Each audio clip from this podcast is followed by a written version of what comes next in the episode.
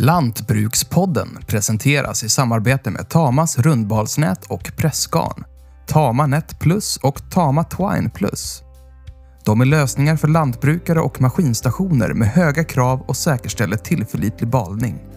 Mindre stillstid, perfekta balar. Besök tamaskandinavia.se för att läsa mer eller kontakta din lokala återförsäljare. Utifrån ett kortsiktigt perspektiv så är ju, är ju att säkra svensk eh, matproduktion helt central. Vi riskerar att tappa väldigt mycket jordbruksproducenter nu.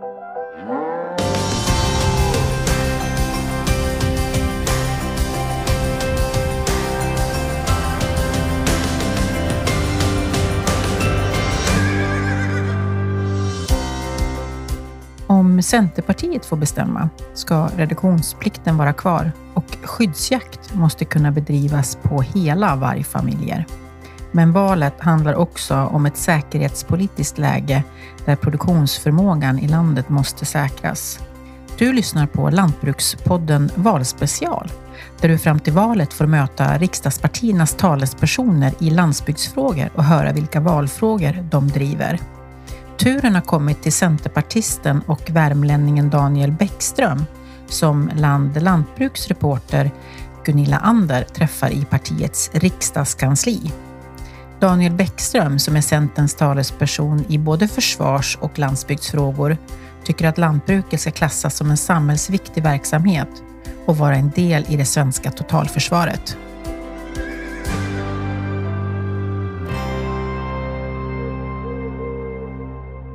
När vi spelar in det här poddavsnittet så är datumet 26 april och Centern har just hållit sin nationella valupptakt inför höstens riksdagsval där ju landsbygdsfrågorna eh, pekas ut som mer heta än på länge. Eh, men först skulle jag vilja be dig berätta lite mer om dig själv och om din bakgrund i politiken. Ja, jag är eh, uppväxt i Säffle kommun i Tveta socken och det ligger ungefär ja, närmare två mil utanför eh, Säffle i en by som heter Vickersrud. Där bor jag kvar och eh, jag har sedan jag var väldigt liten haft ett eh, starkt intresse av politik eh, och inte minst Centerpartiet. Och jag kom med i politiken när Torbjörn Fälldin var statsminister så blev jag väldigt intresserad och sen när man växte upp där hemma så blev samtalet om landsbygdens förutsättningar och också eh, vikten av att engagera sig allt mer tydligt. Då tänkte jag fråga dig lite grann om eh, just eh, hur du har kommit eh, in på de gröna eh, näringarnas frågor under din tid i kommunalpolitiken, i jordbruket, skogsbruket, kanske framförallt i Säffle. Ja, Säffle kommun är ju en bygd med ett starkt och levande lantbruk. Vi, vi har olika områden i kommunen med också mycket skogsbygder och det har ju sedan slutet på 1800-talet varit dominerande skogsindustrier med Billerud koncern, också sågverk eh, och utveckling av verkstadsföretag och allt kopplas till hur man kan förädla eh, skogsprodukterna och också exportera varor från hembygden men också teknik till till verksamheter kopplat till skogsindustrin. Eh, och, och jag växte upp bredvid min fars föräldragård som drivs av min kusin och, och har sedan man började gå varit med i både traktorer och ja, varit med vid skörder, skörd och, och, och sådd och, och, hela årshjulet i ett jordbrukande. Och själv också vet jag hur det är att, att slå hö med häst eller slå gräs med häst och härsa och kraka och även storbarnspress. Alltså hela det här arbetet i olika faser har man fått vara med och pröva på. Eh, men också se omstruktureringarna eh, under den här tiden. När jag växte upp så hade vi inom en väldigt nära radie eh, sju olika mjölkproducenter och idag är det en större producent lite längre bort. Och den här förvandlingen av jordbrukandet har man ju levt med och sett konsekvenserna av men också hur, hur andra typer av verksamheter kan utvecklas i bygderna parallellt. Vi hade en kommungrupp och har fortsatt ett, ett nära samarbete med eh, näringen i kommunen och jag träffade regelbundet både LRFs kommungrupp och, och, och, de tre olika avdelningarna men också då utvecklingsgrupperna och byalagen för att diskutera strategiska frågor, till exempel strandskyddsfrågor, översiktsplanering. Eh, var behöver vi utveckla bygden och vad kan vi göra tillsammans för att eh, också få företag att, att etableras och utvecklas och ställa om. Vi jobbar mycket med förnybarhet, bränslen. Eh, och, och, inte minst att få kommunen som organisation att lära känna den gröna näringen närmare. Det är så många olika dimensioner, allt från industri, företagande till, till den enskilde företagaren och också föreningen. Det är ju det är ju mång, många olika eh, frågor som påverkar och ger förutsättningar för att utveckla näringen. Först tänkte jag fråga dig eh, hur du har eh, gått vidare på din politiska bana och varför du valde att ge dig in i rikspolitiken.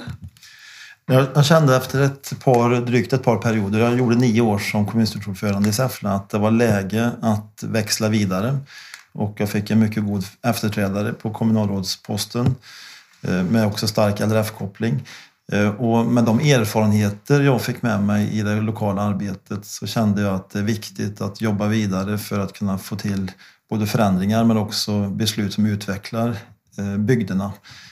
Och så, mycket av det som, som det handlar om i rikspolitiken tar ju bäring i det lokala samhället och människors livsvillkor. Eh, och också de utmaningar och eh, stora möjligheter som finns runt om i landet. Jag såg fram emot att få möjlighet att få jobba mer i riksperspektivet och också jobba med regional utvecklingspolitik eh, på det här sättet. Det var 2014 som du kom in i riksdagen. Och först så valde du att fokusera ganska mycket på försvars politik. Det är ju din profil som, eh, som politiker. Du är talesperson i försvarspolitiska frågor. Men sedan i höstas så kombinerar du den rollen med att även vara talesperson i landsbygdspolitiken. Berätta lite grann hur, hur det fungerar. Ja, det är ju inte alltid man kan förutse hur eh, olika eh, händelseutvecklingar sker. Men, men eh, efter att ha då varit i, i försvarsberedningens arbete under flera års tid och också varit och förhandlat fram eh, försvarsbeslutet 2015 med tillägg i olika etapper och beslut och förstärkningar med mer pengar. Eh, och sen också då landat försvarsbeslutet 2020 Ehm, om ett starkare och återuppbyggt totalförsvar med stora satsningar på det militära försvaret och också civila beredskapen och där ingår ju livsmedelsfrågorna. Ehm, men det var väldigt viktiga framgångar för Centern i de förhandlingarna. Vi har ju en, en oerhört stor nu resursförstärkning till, till försvaret.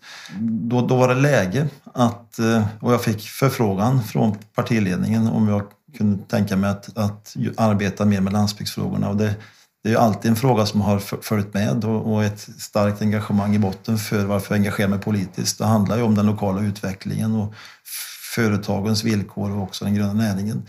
Men det här är också frågor som hör ihop. Och det är klart att, att då kunde vi inte riktigt förutse vad som nu händer.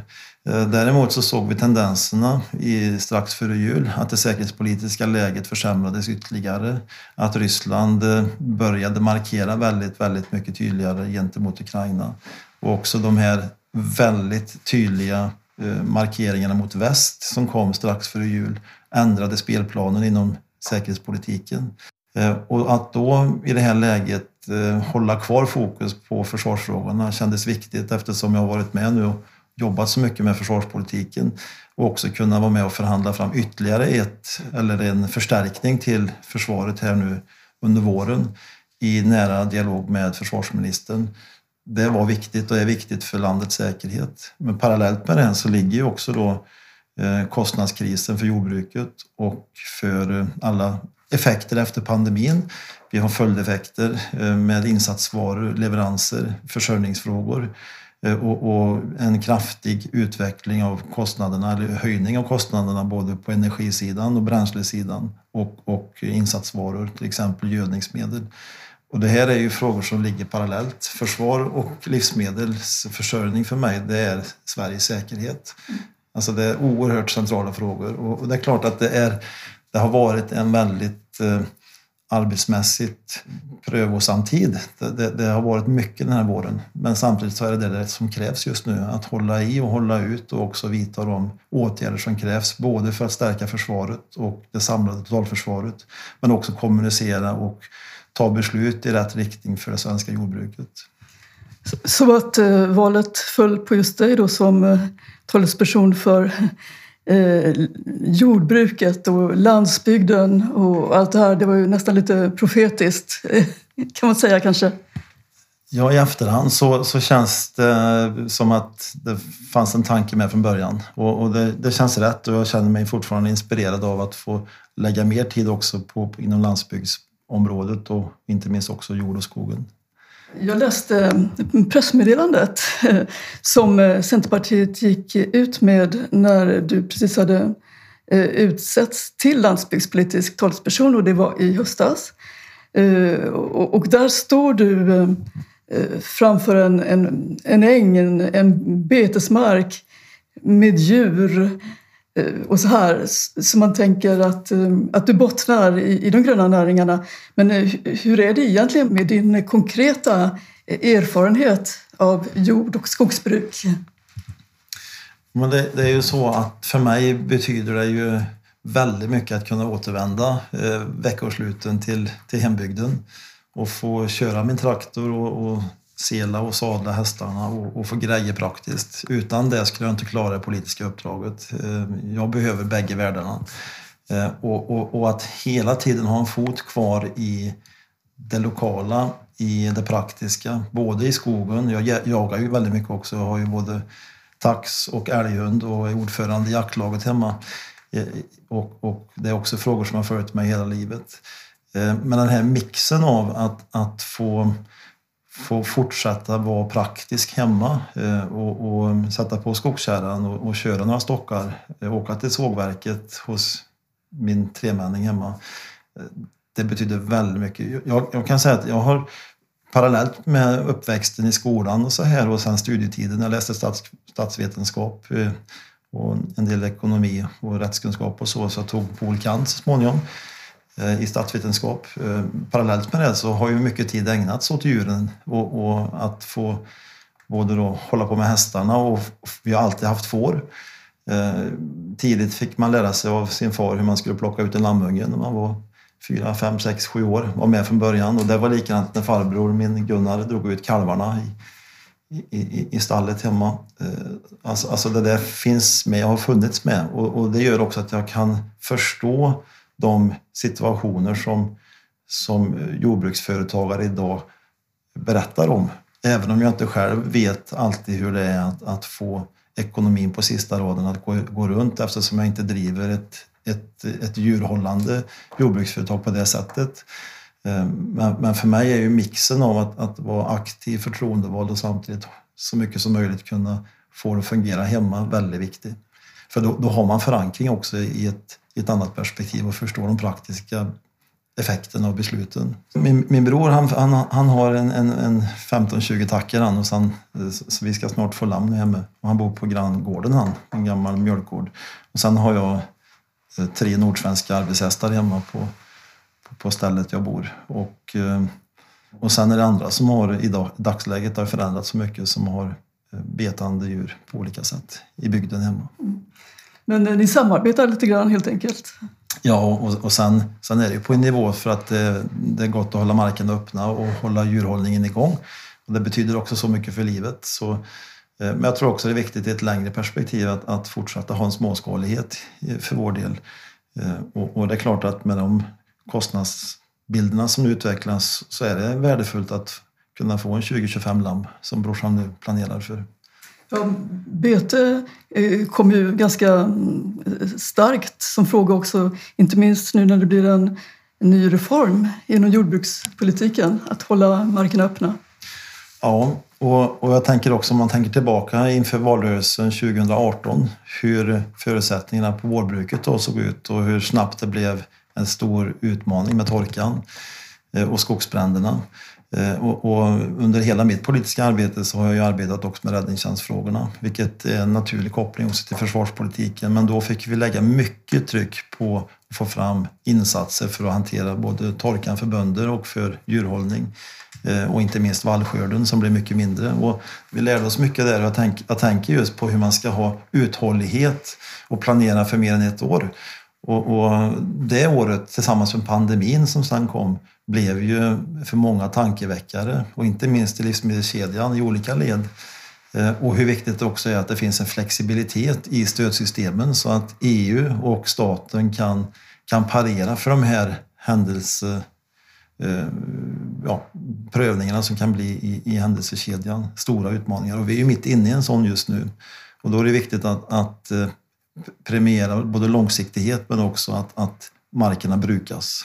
I flera medier så har det ju sagts då att eh, i det här valet så kommer partierna att slåss eh, extra mycket då om just landsbygdens röster. Och eh, Centerpartiet är ju med och slåss där förstås. Vilka är partiets viktigaste frågor i det här valet och vad tycker du står på spel för de gröna näringarna?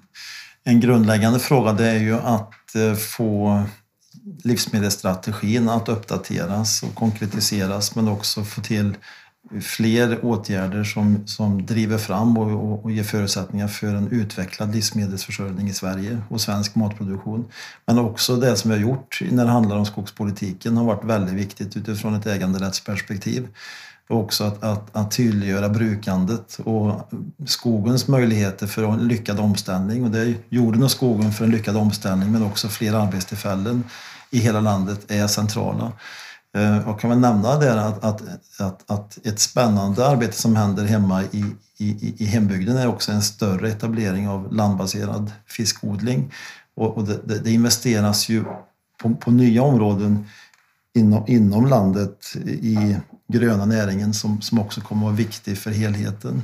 Och den typen av utvecklingsfrågor är grundläggande för en positiv landsbygdsutveckling. Men också då hela Alltså paketet med en, en, fungerande infrastruktur, resurser till vägar, till, till eh, fortsatta investeringar i bredband, till en, en postservice eh, och, och, och, och, daglig service till, till företag på olika sätt. Vi har hela, Eh, hela myndighetsutövningen relativt eh, den gröna näringen, hur man kan underlätta på olika delar för att, för att göra det lättare att, att driva företag och också bo, alltså vi har, vi har haft strandskyddsfrågan uppe nu och den är aktuell fortfarande och kommer vara aktuell. Men den är ju ytterligare ett exempel på en viktig fråga som Centern stenhårt driver för att underlätta för fler byggnationer i attraktiva lägen runt om i hela landet. Inte minst på landsbygden. Så, så liksom grundförutsättningarna eh, och för mig handlar detta om, om, om i grunden en styrning av staten utifrån ett decentralistiskt perspektiv. Eh, och jag har också tänkt mycket på de bitarna när vi har förhandlat försvarsfrågorna utifrån ett landsbygdsperspektiv. Vad kan vi göra för att minska sårbarheter i de storskaliga lösningarna och sprida verksamheter? Men också arbeta för att det utvecklas eh, Eh, på många håll runt om i landet och inte enbart tänka utifrån få platser utan utifrån hela landet-perspektivet. Och det är ju så att för Centern är ju detta grundläggande DNA-frågor om, om synen på jorden och skogen och den enskilde äganderätten och, och brukanderätten och också friheten att, att kunna få, få, få, få satsa och verka i sin hembygd. Eh, och, och, eh, det här, det här, och jag märker ju det att alltså vi, är, vi är en riksdagsgrupp där, där alla är besjälade av landsbygdsfrågan och att vi också eh, vill hitta nya möjligheter och innovation för framtiden. Du lyssnar på Lantbrukspoddens valspecial. Fram till valet träffar vi talespersonerna i landsbygdsfrågor för samtliga riksdagspartier. I det här avsnittet är det riksdagsledamoten Daniel Bäckström som argumenterar för hur Centern ställer sig till våra lyssnares viktigaste valfrågor. Om jag skulle tvinga dig att välja en absolut hjärtefråga som du driver i det här valet, inför valet, vad skulle du välja då? Utifrån ett kortsiktigt perspektiv så är ju är ju att säkra svensk eh, matproduktion helt central. Vi riskerar att tappa väldigt mycket jordbruksproducenter nu. Eller produktion inom jordbruket utifrån den kostnadskrisen som vi är inne i. Och vi måste eh, som riksdag och, och, regering agera kraftfullt och fortsätta agera kraftfullt kommande mandatperiod för att vända trenden och också se till att, att man uppfyller de målsättningar som finns i livsmedelsstrategin. Just ett eh, starkare jordbruk, eh, det är ju det du vill fokusera mest på. Det, det förklarade ju du när du utsågs till talesperson i landsbygdspolitiska frågor i höstas. Men eh, hur ska det gå till? Det är ju många olika delar som samspelar här. Men, men kort, i det korta perspektivet där vi befinner oss just nu så har ju Centerpartiet under våren tagit flera, lagt flera utskottsinitiativ i riksdagen för att få till stödpaket eh, för att eh, ge jordbruket eh, bättre förutsättningar att hantera kostnadskrisen. Och det är stora utmaningar vi befinner oss i och svenskt jordbruk befinner sig i. Det är ju därför väldigt, väldigt viktiga besked vi kunde presentera igår Eh, där vi har tillsammans med regeringen då lagt ytterligare ett stödpaket på drygt 2 miljarder där fokus ligger på animalieproduktionen bland annat. Eh, och, och, vi måste också vara beredda att göra mer och frågan diskuteras vidare i finansutskottet idag om ytterligare åtgärder. Och det är ju det, är ju det korta perspektivet nu att, att hela tiden parera för de tuffa prövningar man får utifrån omvärldsläge och, och, hur vårt importberoende av till exempel gödningsmedel påverkas. Då behöver vi göra mer för att få fram gödning på hemmaplan och också då kunna ta vara på eh, näring, eh, till exempel i reningsverk och annat. Alltså det, här, det finns mycket att göra på hemmaplan i det här läget men, men också då för att skapa en, en konkurrenskraft i det här läget är, är oerhört centralt. Eh, och, och det är klart att Eh, krigets effekter eh, för ett europeiskt perspektiv, om det blir ytterligare ehm, sanktionspaket, kommer att få olika konsekvenser också för, för matproduktion i Sverige. Och då måste staten vara med och parera i det korta perspektivet. Sen är ju att, att eh, uppdatera och revidera livsmedelsstrategin så att det blir mer konkretiserade åtgärder. Och, och lyssnar man med många jordbrukare runt om så, så har man önskat mer än vad som har levererats sedan den livsmedelsstrategin togs i riksdagen. Så det är mycket fokus på det. Sen är det också kompetensförsörjningsfrågor. Det, handlar ju, det ser vi också som en följdeffekt av kriget nu att många nu riskerar att inte kunna få tillräckligt med säsongsarbetare runt om i landet. Eh, kopplingen till Ukraina är stor i Sverige men, men, man måste jobba med de frågorna men också hur man kompetensutvecklar och, och ser ett livslångt lärande också högre utbildningen och forskningen för jordbruket. Och, och, I ett omställningsperspektiv med mycket teknikutveckling så, så, krävs det också mycket forskning och utveckling fortsatt för att, för att vi ska kunna eh, utveckla näringen. Men sen är ju, sen är ju det här med, med eh, villkoren, med, med eh, konkurrenskraften som vi så ofta pratar om, alltså central så att vi får en ökad lönsamhet och också att man kan, kan räkna hem produktionen. Då passar det bra att vi upprepar lite grann eh, för våra poddlyssnare när det här spelas in. Det är nämligen den 26 april. Och när du Daniel talade om igår, eh, då var det den 25 april. Och det var då som eh, Centern och eh, regeringen presenterade den här uppgörelsen. Kan du beskriva den igen, vad den innebar? Det här är ju ett andra paket eh, efter första miljarden här. Vi är uppe i 3,2 miljarder nu och varav då 2,1 miljarder kommer att, att dels gå till animaliesektorn, eh, 1,6 miljarder och sen att få till en retroaktiv dieselskatteåterbäring eh, från 1 januari. Och det är någonting vi har kämpat hårt för, för det kom inte med i första paketet. Och att få till det här betyder mycket i likviditet för den enskilde jordbrukaren eller skogsbrukaren. Eh, eh, och, och och sen också 50 miljoner till Norrlandsstöd och även 40 miljoner till, till yrkesfisket. Men, men det handlar ju om att, att dels kompensera för de kraftiga kostnadsökningar på, vi ser på diesel, på bränslen, på foder och gödningsmedel. Eh, och, och, vi vet heller inte hur effekterna kommer utvecklas fram i höst och, och effekterna för nästa år. Eh, och det är de följdeffekterna vi måste ta höjd för nu också. Så valrörelsen kan ju, och valet kan ju komma att, att, att äga rum i ett väldigt tufft läge i svensk både inrikeskontext men också omvärldsläget som gör att vi behöver att vidta många ytterligare åtgärder tillsammans i Sveriges riksdag för att skapa förutsättningar. För det är klart att tappar vi nu jordbruksföretag, då är det svårt att få tillbaka dem. Och i ett säkerhetspolitiskt mycket allvarligt läge ska vi göra allt vi kan för att säkra försörjningstrygghet och ha kvar produktionsförmåga i inlandet. Eh, och också hjälpas åt givetvis med våra grannar inom det europeiska samarbetet men också i ett nordiskt perspektiv. Men, men, men det är liksom så skarpt. Det är överlevnad det handlar om för så många jordbruksföretag. Och, då, och det, behöver, det är olika tidsperspektiv. Eh, det är också olika ledtider i olika näringar. Men, men, vi måste lyssna in och förstå näringens villkor och också hur man ser på fortsättningen för att hamna rätt i vilka bedömningar vi behöver göra löpande för att vidta rätt åtgärder. En annan eh, hjärtefråga som, eh, som du har pekat ut det är en hållbar rovdjursförvaltning. Ja, och I grunden handlar ju det här om att, att få levnadsvillkor som är i balans. Och som rovdjursläget nu har utvecklats senaste, inte bara åren utan också decennierna hemma i Värmland bland annat, så ökar ju förekomsten av varg kraftigt. Och jag märker ju det nu när jag har fått eh, ansvar för de här frågorna att, att det är många som kommer fram eller hör av sig och vill prata om vargfrågan. Ehm, hemma, hemma i Värmland har vi levt med det länge.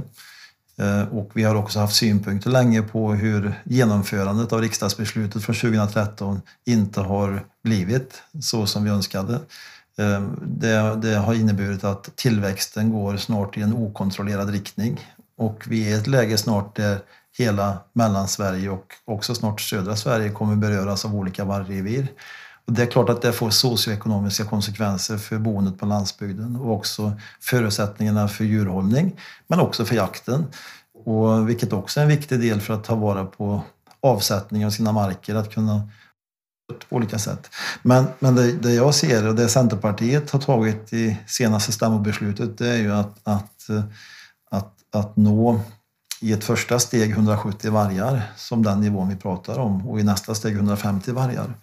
Och det är också det vi driver nu i pågående förhandlingar i miljö och jordbruksutskottet att kunna få till ett tillkännagivande från riksdagen gentemot regeringen att nu rikta om förvaltningen i riktning då till 170 vargar. Sen behövs det också en ordentlig eh, process eh, relativt Bryssel och kommissionen och EU-arbetet för att eh, revidera de nyckeltal eller, eller ingångsvärden som Sverige har när det handlar om förvaltningen av framförallt vargen. Då. Och, och, och, och, det behövs göras mycket där för att det ska praktiskt sen kunna finnas en, en balanserad och, och, och, ordentlig förvaltningsjakt. För utan en, en, en förvaltningsjakt baserad på licenstilldelning så tappar staten förtroende i de här frågorna hos folk. Legitimiteten Eh, brister och det är i sig ett demokratiproblem. Och just det här året när vi uppmärksammar Sveriges demokrati 100 år så är det verkligen på sin spets att fundera på vad de här frågorna har för långsiktiga effekter eller ger för långsiktiga effekter. Och just förtroendet för det offentliga, det allmänna är viktigt också i en säkerhetspolitiskt svår tid. Och då behöver man även ta i sådana här frågor på riktigt och inte minst utifrån ett landsbygdsperspektiv. Sen behöver vi givetvis eh, utveckla skyddsjakten och det har vi drivit i riksdagen de senaste åren och också fått till tillkännagivanden från eh, riksdagen gentemot regeringen om. Och, och till exempel att kunna ta ut hela familjegrupper om de är besvärliga för angrepp relativt eh, boskap och så. Vargen väcker ju väldigt starka känslor och påverkar enskilda djurhållare väldigt mycket. Men om man ser till hela lantbruket och eh, skogsbruket så är det ju då klövviltet som orsakar mest ekonomisk eh, skada. Vad säger ditt parti om hur man ska hantera viltskador och en växande klövviltstam? det är viktigt att, att eh, se detta utifrån olika perspektiv givetvis. Och, och både i skog och mark så, så, så lever vi med på vissa områden väldigt högt betestryck och det behöver vi komma till rätta till. Och Dels vill vi få till en, en viltmyndighet så att det är ett särskilt fokus på viltvårdsfrågorna i en särskild myndighet så att det blir bättre tryck hela vägen. Men också i det arbetet också då kan, kan föra vidare dialog och också ta rätt beslut i förhållande till förvaltning utifrån de lokala eh, förhållandena. Nu går ju vildsvinen åt rätt håll i vissa delar, alltså, eller utifrån ett, ett eh, eh skadeperspektiv. Eh, där många upplevt att, att man förlorar avkastning eller, eller påverkar grödor. Eh, men det ser olika ut i olika bygder. Och, och, nej, men det här är frågor vi har koll på. Vi måste vårda både brukandet av marken och, och, och, avkastningen samtidigt som vi kan bedriva en, en, en god viltvård och också ha en jaktbar stam på olika sätt. Så den här balansen måste vi finna. Och det är också mycket på den lokala nivån som detta behöver hanteras utifrån dialogen mellan markägare, som många gånger också är jägare, men också då dialogen med, med jordbrukare och, och andra som har intressen. Just det, de höga dieselpriserna har ju satt fart på valrörelsen lite grann i förtid. Eh, vad tror Centerpartiet nu då om reduktionsplikten? Alltså det att man av klimatskäl successivt eh, blandar in förnybara drivmedel. Om vi, om vi återkommer lite grann till det stödpaket vi nu har presenterat så, så är ju en viktig del där att sänka bränslekostnaderna för producerande jordbruksföretag och skogsbrukare. Och den nedsättningen är betydande. Det ger ju en 4 kronor och 60 öre. Man maxar utifrån vad som är möjligt utifrån ett EU-perspektiv. Och det ger lindringar. När det handlar om just reduktionsplikten så får vi komma ihåg också att det beslut som togs i riksdagen förra året, 2021, så var alla utom Sverigedemokraterna med på att detta är viktigt och också något som vi har drivit länge för att det är viktiga steg i Sveriges omställning mot ett hållbarare samhälle och också bra utifrån ett klimatperspektiv. Dessutom så är det också bra utifrån ett landsbygdsperspektiv. För det är en av drivkrafterna till att få fram investeringar i förnybara bränslen, produktion i Sverige. Och är det någonting vi har sett under de här diskussionerna de här månaderna om reduktionsplikten så är det ju att, det behöver gå hand i hand också. Att, att i takt, alltså vi behöver ju både jobba med, med eh, tydliga målsättningar men samtidigt också då satsningar som skapar investeringar eller ger möjligheter till investeringar. Och att nu som eh, kritiker då väljer att göra, backar eller svänger om, så ger ju det bara ökad otydlighet relativt de stora investeringar som står på spel för Sveriges del. Och, och, det är ju det vi måste komma fram till, det är att vi ska både stärka vår försörjningstrygghet på inhemska bränslen eh, och, och miljömässiga bränslen. Och det ger också avkastning för, för jord och skogen. Så det, det är ju ett kretslopp här som är väldigt viktigt i ett längre perspektiv. Eh, sen, sen, sen, har jag förståelse för de kostnadslägen som svenskt jordbruk och skogsbruk befinner sig i, och också logistikleden. Det här är ju tuffa prövningar vi är inne i nu, och, och, men väldigt mycket är ju kopplat till, till hur världsmarknadspriser har utvecklats också den senaste tiden. Och, och det, här är ju det här är svåra frågor, men viktiga frågor att ändå ha kvar fokus på att, att långsiktigt så måste vi eh, ställa om och vi behöver också då uppmuntra och gynna investeringar i förnybara bränslen. Om du ser på läget eh, som det har utvecklats och är idag, eh, verkar det realistiskt att kunna slopa skatteåterbetalningen på diesel till eh, lantbruket och skogsbruket 2030? Det var ju det som landshövding Helena Jonsson föreslog då i, i somras som ett sätt för, för jordbruket och skogsbruket att kunna öka sitt fossiloberoende. Eh, och eh, då inte bara slopa det utan eh, införa ett generellt skatteavdrag istället då, ska man säga.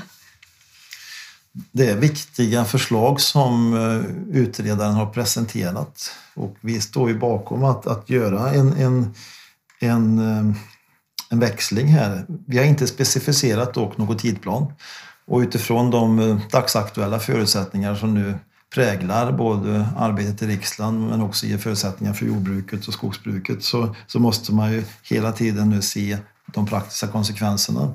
Men vårt mål det är att, att eh, dels då när vi har maxat nu nedsättningen av diesel eh, kunna få den nedsättningen eh, växlad till ett motsvarande skatteavdrag, ett generellt skatteavdrag.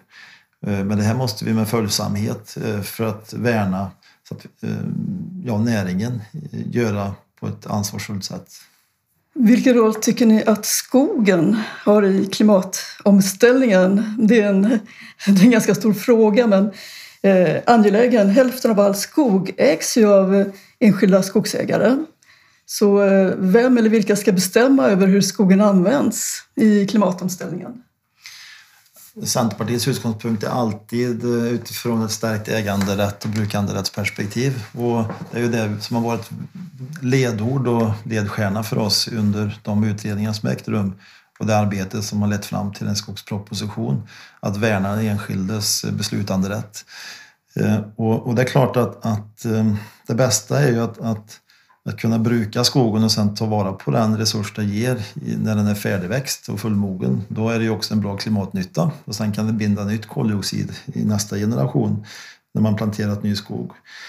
Eh, så, så, så, det är viktigt att vi brukar skogen och att vi, att vi gör det med också ett, ett, ett långsiktigt perspektiv om att det ger en ökad hållbarhet. Eh, men i grunden så är ju, är ju väldigt angeläget att, att den enskilde får och har möjligheten att, att eh, kunna planera och genomföra sitt skogsbruk och också ta beslut i rätt ordning. Land Lantbruk gjorde en väljarundersökning i höstas och den enskilt viktigaste frågan eh, för lantbruksföretagarna inför riksdagsvalet det är en minskning av regelkrånglet. Eh, har ditt parti några förslag på hur det ska kunna minska? Ja, eh, det här är en viktig del i den eh, partimotion vi lämnade in i höstas 2001 och det är tydligt fokus då på att, att eh, underlätta för den enskilde företagaren och jordbruksföretagaren. Och, och en, en, del det är ju att, precis som för många andra näringar, det är ju att arbeta utifrån ett koncept med en väg in till det offentliga. Hur man ska komma i kontakt med myndigheter och olika organisationer, att det ska vara smidigt och enkelt. Och idag upplevs det på motsatt sätt. Det är krångligt och det tar tid och det är långa handläggningstider och det är långa tillståndsprocesser eh, och också ibland otydligt om vad som gäller. Och, och det är ju en viktig del att, att få detta systematiserat och organiserat så att det blir enkelt att komma i kontakt med det offentliga och också statlig verksamhet. Sen, sen är det ju viktigt att hela tiden ha fokus på att uppdragen till, till myndigheter via regleringsbrev från regeringen är samordnade och också syftar till att, att ta bort regelkrångel och minska den administrativa bördan för den enskilde företagaren. Och här kan det variera lite grann eh, i hur man analyserar och utvärderar hur olika regelförändringar eller, eller myndighetstillämpningar blir i praktiken. Så det är också väldigt angeläget att, att de uppdragen hela tiden förtydligas. Eh, och sen är det ju med, med eh, så mycket här att, att också få att fungera tillsammans med den lokala och regionala nivån i, i hur man utformar regelverk men också avgiftssystem Eh, och hur man utför och utformar kontroll på olika sätt. Det är centrala frågor här. Och då vill vi se en differentierad avgiftsmodell eh, så att man kan, kan eh, göra lite olika upplägg beroende på hur stor verksamheten är men också utifrån hur man, hur man tillämpar reglerna. Sen är ju grundläggande nu kopplat till totalförsvaret, det är ju att, att jordbruket ska, anser ju vi ska ju inte klassas som miljöfarlig verksamhet utan som samhällsviktig verksamhet och också se betydelsen av den gröna näringen i ett försörjningsperspektiv. Och då, då vill ju vi att, att livsmedelsstrategin också då får ett eget kapitel, ett strategiskt avsnitt eh, med eh, betydelsen för Sveriges försörjningstrygghet. Alltså koppling till svensk primärproduktion och att få in det här. Eh, det är också viktigt för att, för att tydliggöra jordbrukets roll i svenskt samhälle. Skulle du kunna tänka dig att bli landsbygdsminister i nästa regering efter valet? Jag har under de år jag fått möjlighet att vara politiskt aktiv eh, värderat varje fråga med omsorg och eh, aldrig uteslutit något på förhand. Eh, sen är det ju så i det här eh, uppdragen man har att man behöver hela tiden väga av ehm, och se helheten. Men det är klart att, att det skulle vara ett oerhört inspirerande uppdrag i den här tiden att få med och utveckla svensk landsbygdspolitik och hela landet-perspektivet och också tydliggöra vår jordbrukspolitik och också påverka EUs samarbete i rätt riktning. Det är klart att det skulle vara väldigt intressant och kanske också kunna vara viktigt i den här tiden. Du har hört Land lantbruksreporter Gunilla Ander intervjua Daniel Bäckström, Centerpartiets talesperson för jordbruks och skogsfrågor, om vilka landsbygdsfrågor som är viktigast för partiet. Avsnittet spelades in i slutet av april 2022. Sam Segerblom har klippt avsnittet och jag som har producerat heter Maria Gramer. Har du synpunkter eller förslag på ämnen och gäster till podden? Mejla oss på lantbrukspodden landlantbruk.se. Lantbrukspodden görs av Land Lantbruks redaktion som är en del av LRF Media. Lantbrukspodden presenteras i samarbete med Tamas rundbalsnät och pressgarn, Tama Net Plus och Tama Twine Plus. De är lösningar för lantbrukare och maskinstationer med höga krav och säkerställer tillförlitlig balning. Mindre stillstid, perfekta balar. Besök tamaskandinavia.se för att läsa mer eller kontakta din lokala återförsäljare.